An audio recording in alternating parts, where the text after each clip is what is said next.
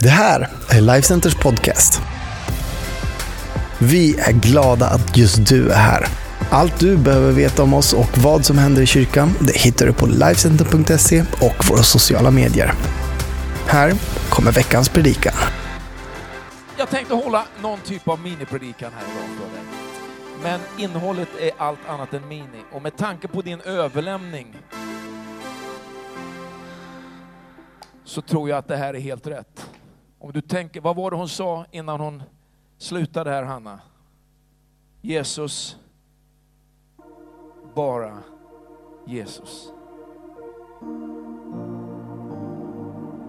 Vi har inte pratat med varandra om vad hon skulle säga. Idag skulle jag vilja tala till dig om Jesus. Bara Jesus. Är du gäst här idag? Det här är en pingstkyrka. Vi tror på Jesus. Vi tror på den här boken. När vi kommer hit på en söndag då startar vi alltid med att prisa Jesus, bara Jesus. När vi lyssnar till vittnesbörd eller predikan så har den ett slutmål och det är Jesus, bara Jesus, för dig. Jag är lite old school, jag är ganska evangelistisk i min personlighet. Jag tror att det finns mycket djupa sanningar att undervisa om, saker som gör att vi växer i våran tro, att våra liv blir starka med Gud, att vi förstår saker. Jag tror att vi behöver verkligen det som kallas för apologetisk förkunnelse som hjälper människor med redskap när man kan försvara tron i sig själv. Jag hoppas att vi den här hösten ska kunna ge dig många sådana redskap där du känner dig stark och trygg i din övertygelse mer än bara ett känsloliv som är berört. Men i grund och botten så handlar det fortfarande om Jesus, bara Jesus. För utan Jesus så är det kalkat och kört och i en bibeltext som jag, jag har liksom fått för den här dagen så, så står, finns storyn om, om Jairus. Och vi läser ifrån Markus evangeliums femte kapitel och där står det så här att när Jesus var tillbaka med båten på andra sidan samlades en stor folkskara hos honom där han var vid sjön. En synagogsföreståndare som hette Jairus kom dit och när han fick se Jesus då föll han ner för hans fötter och bad honom enträget, min dotter är döende, kom och lägg händerna på henne så att hon blir frisk och får leva. Och då gick Jesus med honom.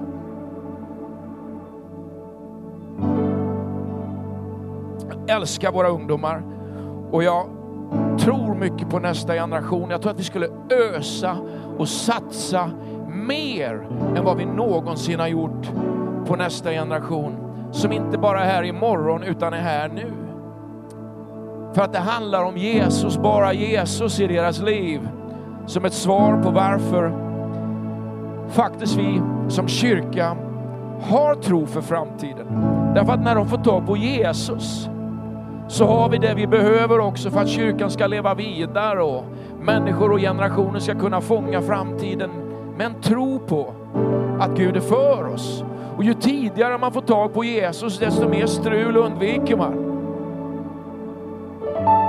I den här berättelsen så möter vi Jairus och han var ledare för den här lokala synagogan. Han hade en tolvårig dotter som var sjuk och när han ödmjukade sig och föll ner inför Jesus som följde med honom hem och när de var på väg hem till honom så var det så mycket folk där att de hade svårt att ta sig fram och i den där skaran kom en kvinna som hade varit sjuk så länge och hon rörde vid Jesu kläder och blev frisk. Det är klart det var oerhört frustrerande för Jairus att de inte kom fram.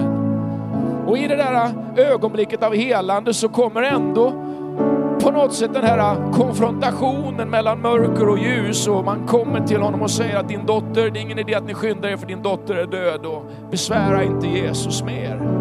Men Jesus, han följer med honom och kommer hem till Jairus och där står alla och gråter och Jesus han säger, nej gråt inte. Sover bara. Och de går omedelbart ifrån en situation där de liksom sörjer till att de hånar Jesus och det han säger. Men Jesus bryr sig inte om hånen. Han tar Jairus, Jakob, Petrus och Johannes och går in till flickan och han böjer sig ner. Han tar henne vid handen. Han säger Talita kom, min lilla flicka. Och hon får liv. Och de böjer sig ner. Texten säger att de blir förvånade, men det betyder egentligen att de bara, var, de bara stod i å. De stod i förundran. De var amazed. Jesus, bara Jesus.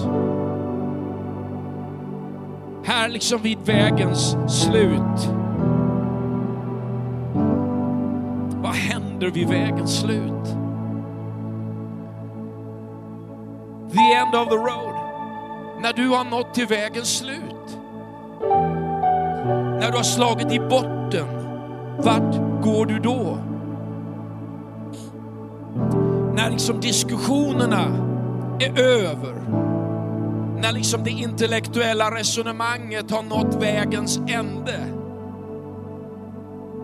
Vem pratar du med då? Eller när du inser att inget liksom blir bättre för dig.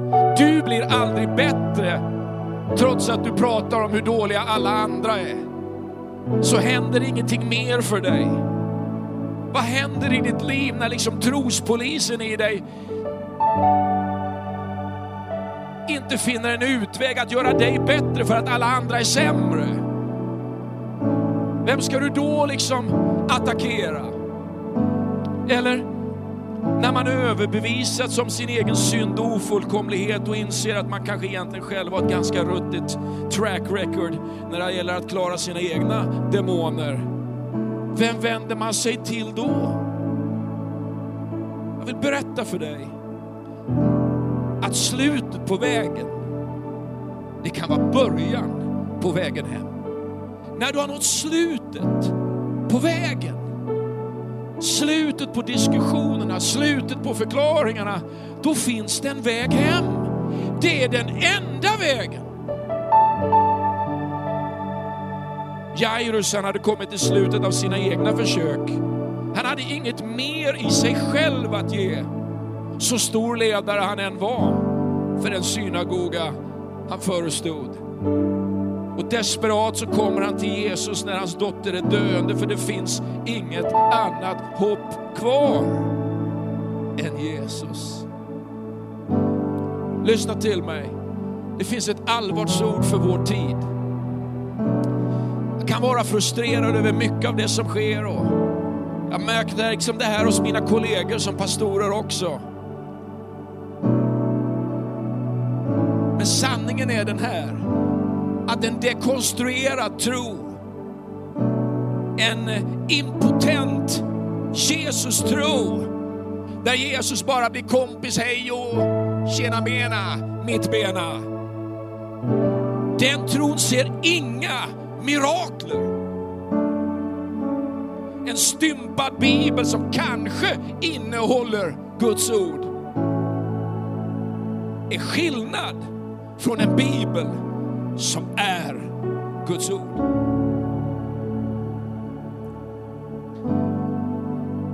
En bibel som är stympad ser inga genombrott. Men ett ord av tro kan förändra vilken situation som helst. Du vet en tidsanpassad Jesus som egentligen inte menar det han säger. Han kommer aldrig kalla någon att lämna allt. Ta upp korset och dö för honom. Men det förändrar inte heller världen. Inget evangelium blir predikat. En tro som är totalt fri från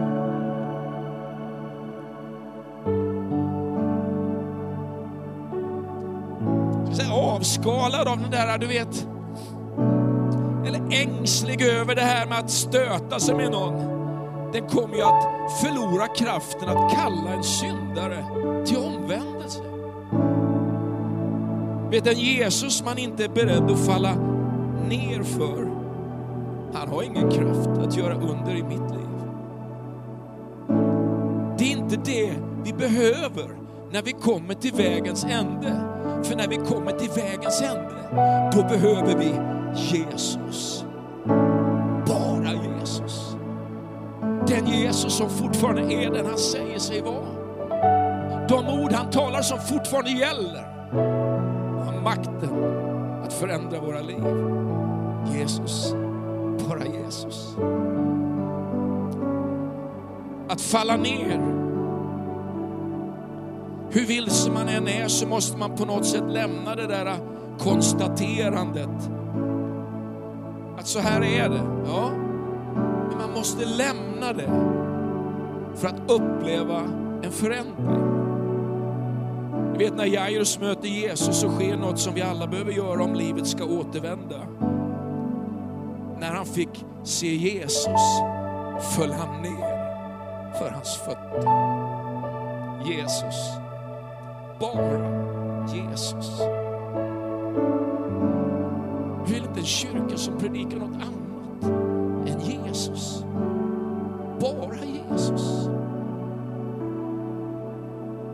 inte liksom en teologi du predikar. Det är ju Jesus du predikar.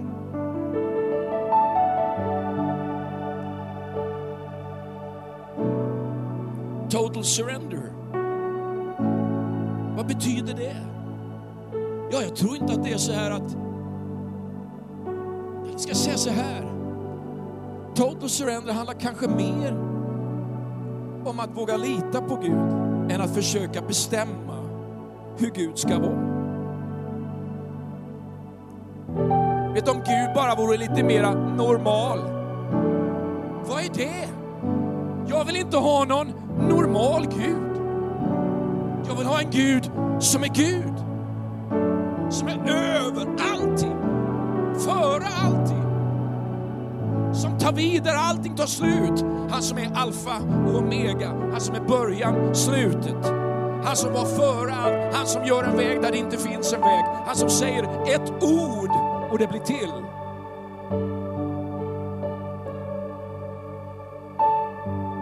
Om Gud bara förstod hur vi har det så skulle han bete sig lite annorlunda.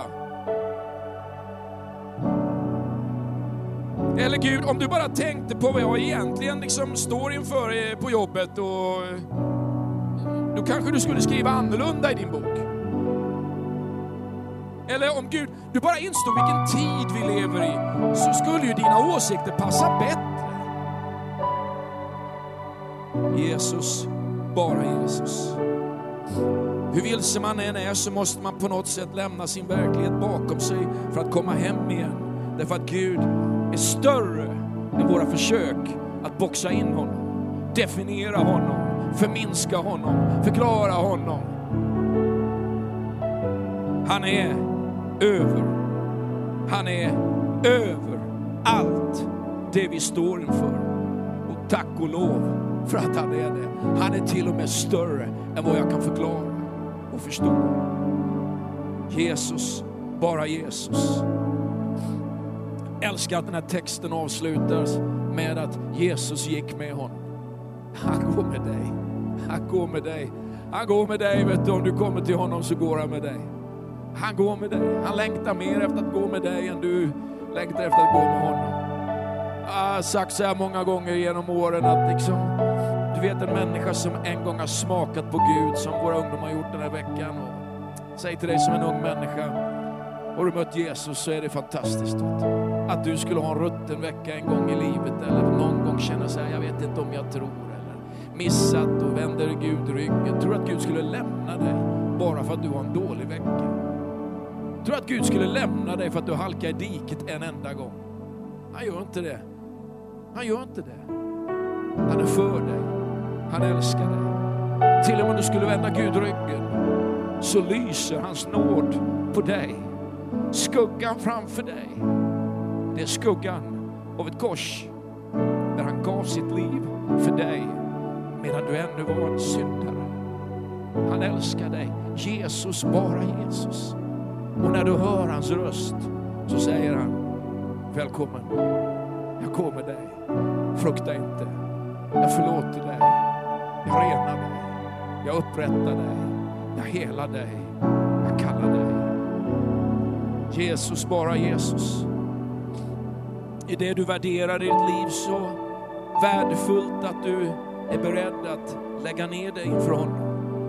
Är du tillräckligt desperat för ditt livs skull så är du också beredd att böja dig för honom. Är du redo att lägga ditt liv, din framtid, den här hösten i hans händer? Tänk vad Gud kan göra i dig. På jobbet, i din familj, i din hälsa, i ditt sinne, i det som är passionen i ditt liv. Här i Life Center. Vad sägs om att komma in i planen? Hans plan. Hans plan. Kom på söndagarna, fira gudstjänst, haka på en connect-grupp. Låt Guds ande beröra dig. Använd dina gåvor. Slappna av i hans nåd. Gud går med dig. Gud går med dig. Allt han säger, allt han säger är sant. Har du mött honom? Han säger gäller idag. Tro på När alla ropade stena henne till kvinnan och Jesus böjer sig ner och säger inte heller jag dömer dig. Har du mött honom? När alla ropar korsfäst, korsfäst, då väljer han att dö för dig och mig. Kan du se? När allt hopp var ute och alla hånade Jesus så sa han, idag ska du vara med mig i paradiset. Du får tro på Jesus, bara Jesus. Finns det något i våra liv som gör att inte vi kan falla ner inför Jesus så måste det gå. Det måste gå. Är det bitterhet? Är det besvikelse? Är det din rätt att vara offended? Du har ingen rätt att vara offended. Du kanske är offended. Du kanske är sårad. Du kanske är besviken. Men tänk att få lägga ner den besvikelsen vid Jesus som borde varit mest besviken av alla i hela universum. Och ändå så dör han för dig och mig. Tänk att få lägga sina sår får hela mig. Och att utifrån den upplevelsen och den kraften dela med de samtal du behöver ha. Dela med det inre som kanske behöver uppleva fortsatta beröranden. Men att du har börjat på rätt plats. Jesus, bara Jesus. Idag vill jag be för dig. Och jag vill be att den här bilden får vara din bild. Jesus, bara Jesus. Den här hösten, Jesus, bara Jesus i ditt äktenskap. Jesus, bara Jesus med relationer med kompisarna. Jesus, bara Jesus när du möter utmaningarna, kanske de stora svårigheterna. Kanske de där brottningarna som har liksom etsat sig in i ditt liv under en lång tid. Som du vet att du bär på. Ensamhet, utanförskap. Kanske saker människor sagt om dig, gjort emot dig. Tänk att bara komma till Jesus idag och säga, du känner allt. Du vet allt. Du bär mig. Jesus, bara Jesus. Amen.